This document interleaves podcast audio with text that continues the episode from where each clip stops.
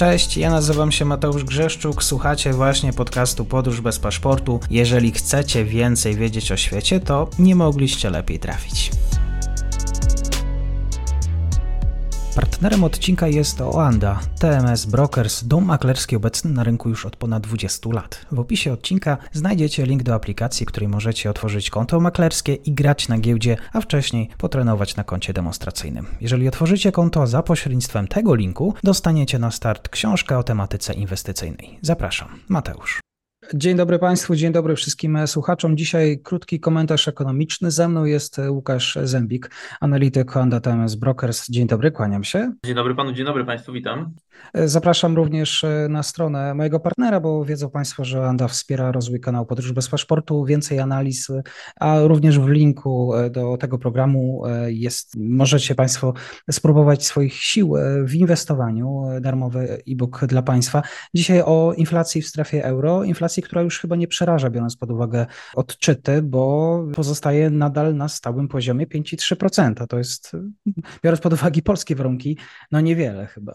To jest oczywiście dużo mniej niż e, w Polsce. Pamiętajmy, że dzisiaj inflacja w Polsce została opublikowana wstępna za, za sierpień i ona uplasowała się na poziomie 10,1. Mówimy cały czas o inflacji zasadniczej, nie o inflacji bazowej, a jak wiemy, to tak naprawdę inflacja bazowa jest tym miernikiem, który e, w dużej mierze interesuje banki centralne i to na podstawie, między innymi na podstawie właśnie tego odczytu są podejmowane decyzje. Nie tylko, ale, ale między innymi. Więc e, wracając do inflacji w strefie euro, ona okazała się e, być stosunkowo stabilna, to znaczy Mamy po raz kolejny obraz, kiedy inflacja w strefie euro, ta inflacja zasadnicza, uwzględniająca ceny energii i ceny żywności, plasuje się na podobnym poziomie, a mianowicie 5,3%, więc ta dynamika e, pozostaje. To może w pewnym stopniu no, martwić e, decydentów Europejskiego Banku Centralnego.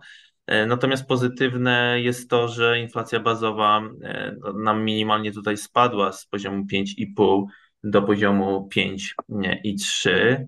E, chociaż jeżeli spojrzymy sobie na wykres inflacji bazowej, to tak naprawdę od szczytu, który został osiągnięty gdzieś na przełomie pierwszego i drugiego kwartału tego roku, tak naprawdę ta wartość, e, ta zmiana rok do roku, ta, ta, ta, dynamika, ona w niewielkim stopniu się zmniejszyła. Oczywiście widać zdecydowany spadek inflacji zasadniczej z poziomu bodajże 10,6 i to, to, to było gdzieś w okolicach jesieni ubiegłego roku.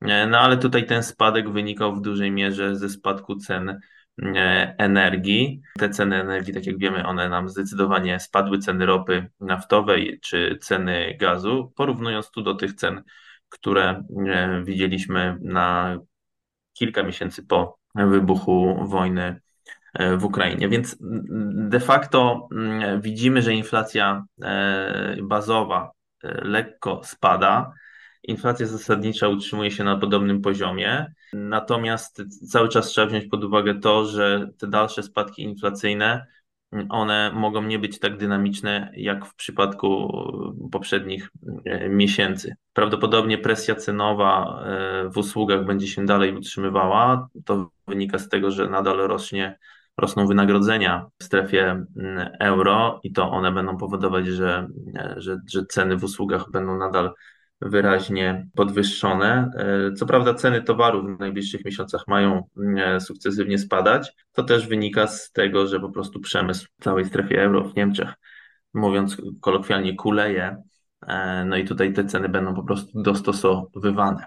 Tak czy inaczej, dzisiejsze dane nie rozwiązują problemu Europejskiego Banku Centralnego, nie dają takiej jasnej odpowiedzi na to, na pytanie, co zrobi Europejski Bank Centralny w, we wrześniu. Przypomnijmy, że w lipcu nastąpiła podwyżka stóp procentowych o 25 punktów bazowych. Z dzisiejszego protokołu, z ostatniego posiedzenia EBC, który został opublikowany, wynika, że nadal decydenci są nastawieni na, na kolejne podwyżki stóp procentowych i ten odczyt yy, dzisiejszy, pokazujący, że ta inflacja bazowa lekko nam spada, on może być niewystarczający do tego, żeby, żeby we wrześniu EBC zrobiło pauzę bądź oświadczyło, że to już jest koniec cyklu zacieśniania. Oczywiście dzisiaj euro osłabiło się względem dolara. Wczoraj mieliśmy dynamiczne wzrosty głównej pary walutowej. Dzisiaj mamy lekki, lekki, lekki, lekki spadek.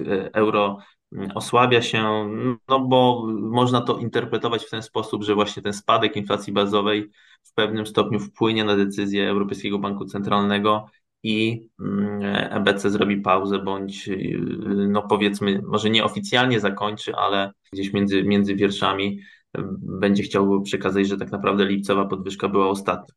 Nie mamy do, do, do końca takiej, takiej jasności. Cały czas musimy wziąć pod uwagę, że wskaźniki PMI dla strefy euro głównie dla przemysłu, są, e, są fatalne, pokazujące, że w sektorze przemysłowym mamy, mamy recesję. E, również w ostatnim czasie indeksy dotyczące usług e, zaczęły spadać poniżej tej granicznej wartości 50 punktów, więc widzimy, że ten słaby przemysł, który już od dłuższego czasu jest widoczny, zaczyna przekładać się na, na słabość usług. No i tak naprawdę kolejne dane, które będziemy otrzymywać, ich już nie będzie jakoś, jakoś bardzo dużo przed kolejną decyzją w połowie września, z pewnością, z pewnością będą kreować wycenę, wycenę euro.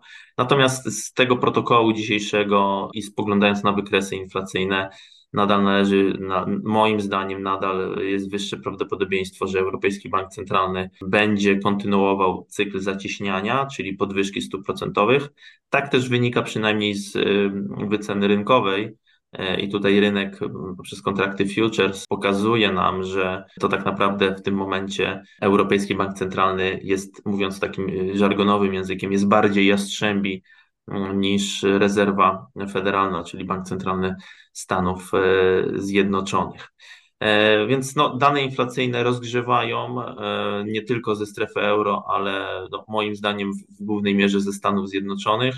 Dzisiaj poznajemy raport na temat wydatków Amerykanów, czyli, e, czyli tą ulubioną, preferowaną przez Fed miarę, miarę inflacji, więc widać, że jesteśmy w takim okresie, kiedy no, rynek zwraca uwagę na, na większość danych makro. Te, te, te dane makro powodują, że, że zmienność na wielu instrumentach jest podwyższona, a to z tego względu, że e, banki centralne stosują coś na kształt forward guidance, e, pokazują, że dalsze decyzje będą w dużej mierze e, uzależniające, uzależnione przepraszam, od napływających danych makro, dlatego też te dane powodują tyle emocji na rynku. Czyli nie ustają problemy Europejskiego Banku Centralnego. Bardzo dziękuję za dzisiejszy komentarz. Pan Łukasz Zębik, kłaniam się do usłyszenia. Dziękuję bardzo. I to już koniec na dzisiaj. Zapraszam na profil podcastu Podróż bez paszportu na Facebooku, Instagramie i Twitterze. Zachęcam też do wsparcia mojej pracy na serwisie Patronite oraz Buy Coffee. Do usłyszenia.